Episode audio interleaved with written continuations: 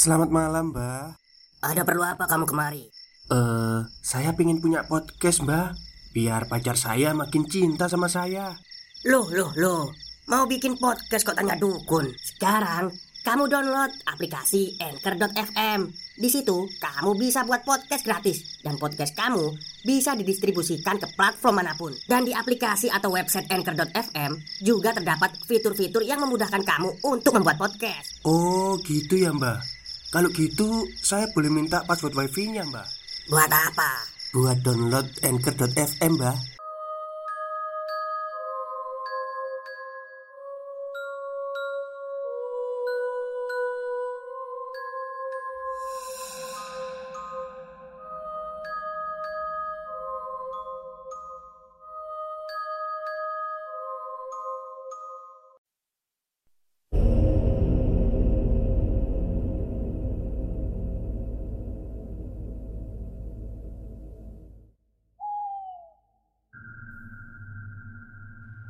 Assalamualaikum warahmatullahi wabarakatuh. Halo semuanya Jumpa lagi dengan saya Chow Sing Sing Kurator dari podcast Horror Night Story. Halo apa kabar semuanya? Semoga kalian semua sehat-sehat ya. Dan seperti biasanya pada siang hari ini saya kembali Dan akan menghadirkan sebuah kisah mistis untuk kalian semua Kisah mistis kali ini saya datangkan dari treat horornya Mas Dio Seta Yang menceritakan sebuah kereta ya. Oke Daripada kita berlama-lama Mari kita simak ceritanya. Tidak ada jalan untuk kembali Berhenti atau ke mana pun. Gerbang ini terus mencoba membawaku ke satu tujuan, yakni kematian. Kusno, jangan nekat.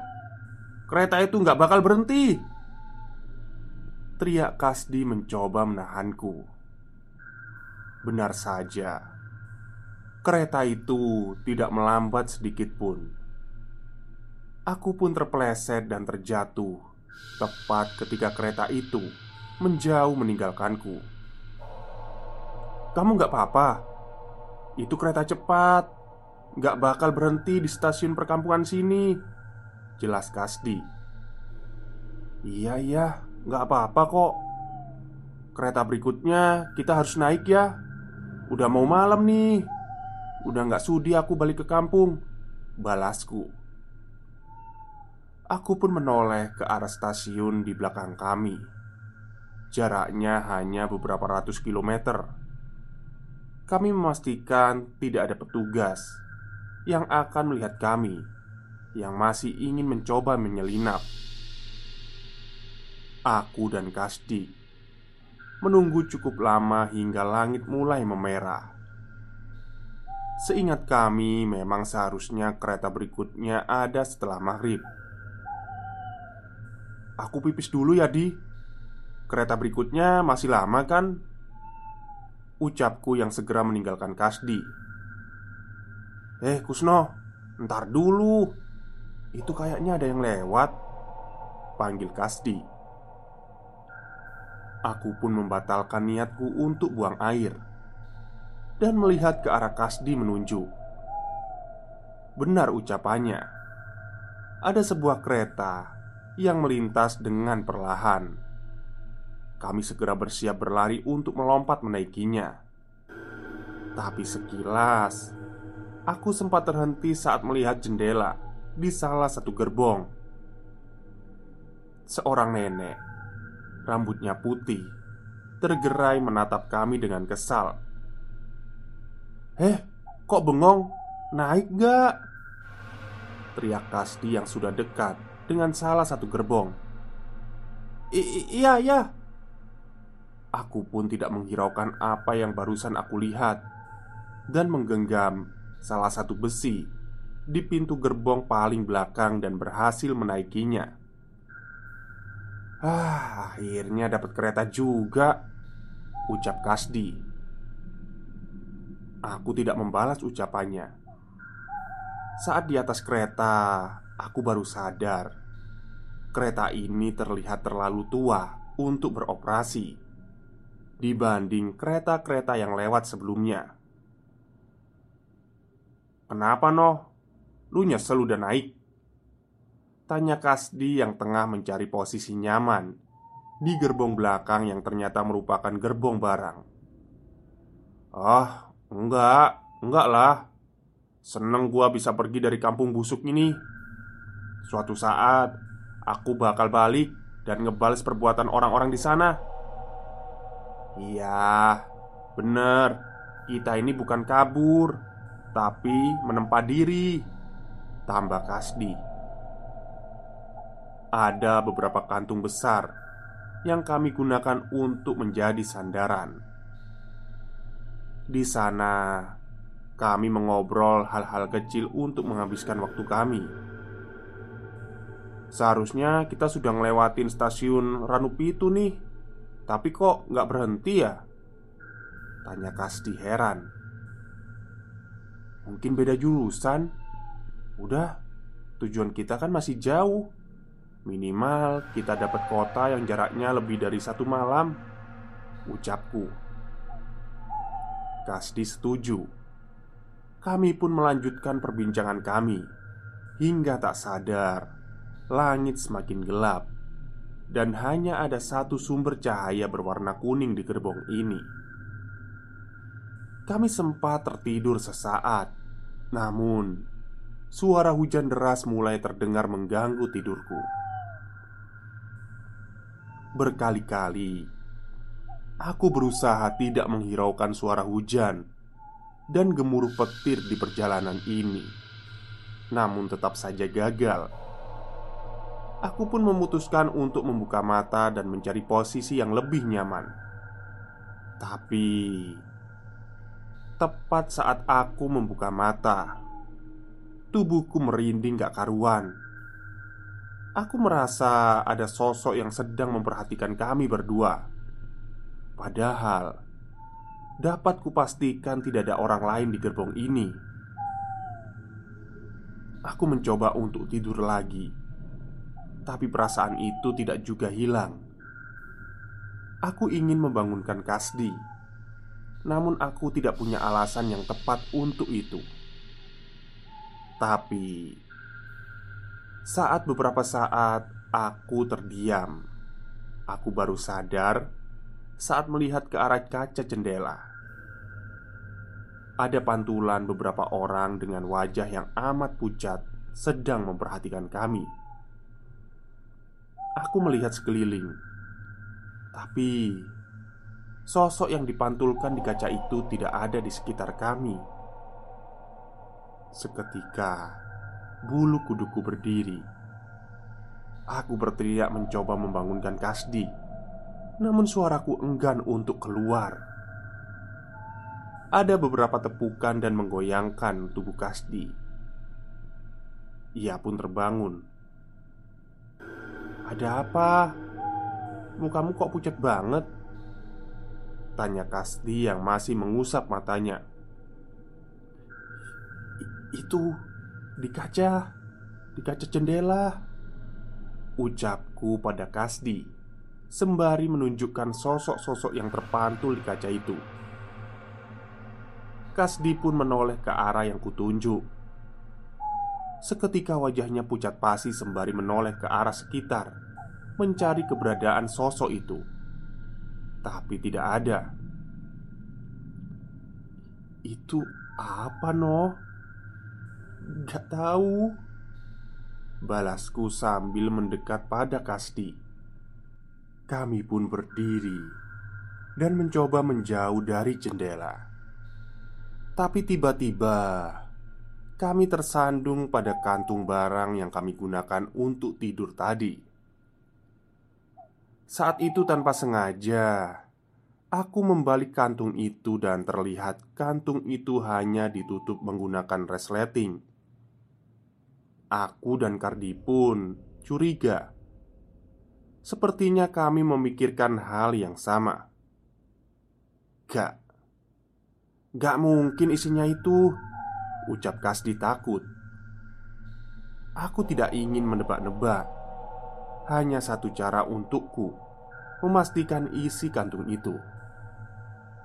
Perlahan, aku memegang ujung resleting kantung itu dan menariknya ke bawah. Kasdi yang sebelumnya tidak setuju untuk membuka tetap mendekat terdorong oleh rasa penasarannya.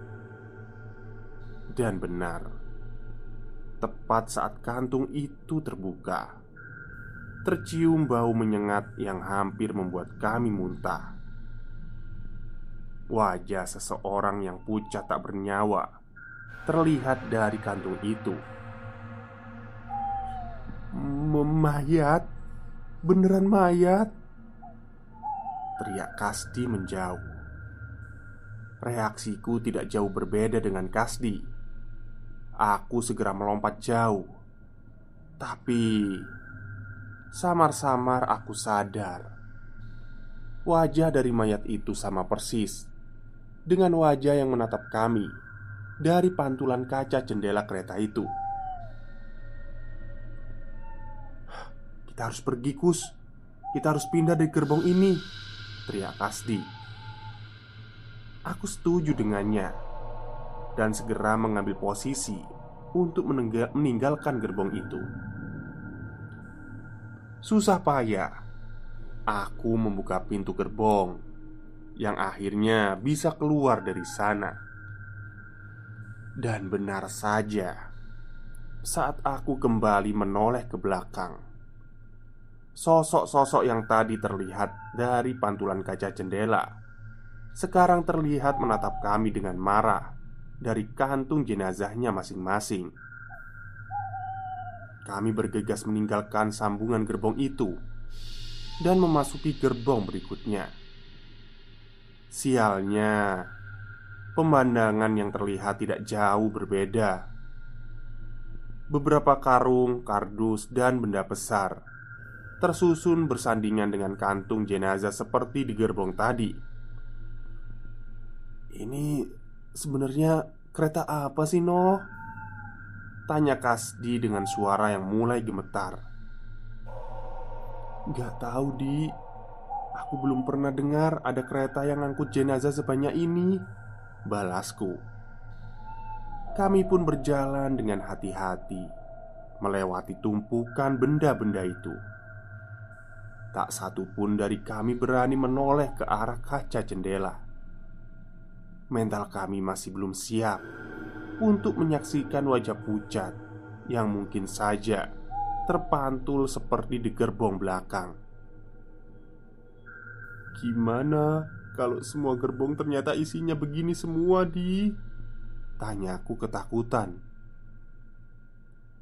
Gak, gak mau tahu aku. Kalau beneran gitu, kita turun di stasiun terdekat Kita cari kereta lain aja Jawab Kasdi Aku setuju. Walau begitu sebenarnya kami berdua sadar betul. Kami sadar bahwa sedari tadi kereta ini belum berhenti sekalipun di stasiun mana pun.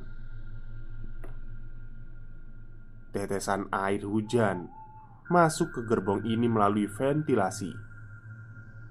Tumpukan barang-barang ini pun mulai basah dengan air yang mulai menggenang. Kenapa keretanya bisa separah ini ya? Memangnya petugasnya nggak dimarahin kalau barang-barangnya rusak gini karena air? Tanyaku. Kasti berjalan dengan hati-hati sembari mencoba menjawabku. Gak tahu juga ya, No.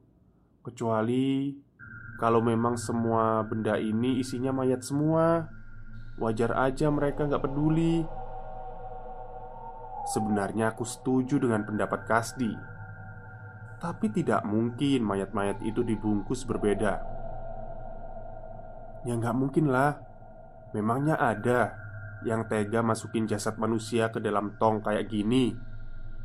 Ucapku sembari mengetok salah satu tong di sebelahku. Tapi aneh. Suara tong itu aneh, seperti bukan berisi cairan. Rasanya seperti sesuatu yang padat berada memenuhi tong ini. aku pun melihat tong itu dan perlahan meninggalkan tong itu. Gak, gak mungkin, kataku. Kenapa, no? Tanya Kasdi heran melihat tingkahku. Yang aku tahu itu cuma desas-desus. Gak mungkin kan ada mayat yang dicor di tong itu? Ucapku pada Kasdi. Kasdi pun tidak berani menjawab dan terus berusaha melewati becekan-becekan sekitar untuk menuju gerbong berikutnya. Semoga gerbong berikutnya lebih normal. Ucapku yang mulai mendekat ke pintu gerbong selanjutnya. Stop, stop. Kita break sebentar. Jadi gimana? Kalian pengen punya podcast seperti saya? Jangan pakai dukun, pakai Anchor. Download sekarang juga. Gratis. Kami mengintip melalui kaca pintu terlebih dahulu sebelum memutuskan untuk masuk ke gerbong berikutnya. Berbeda dari dua gerbong di belakang,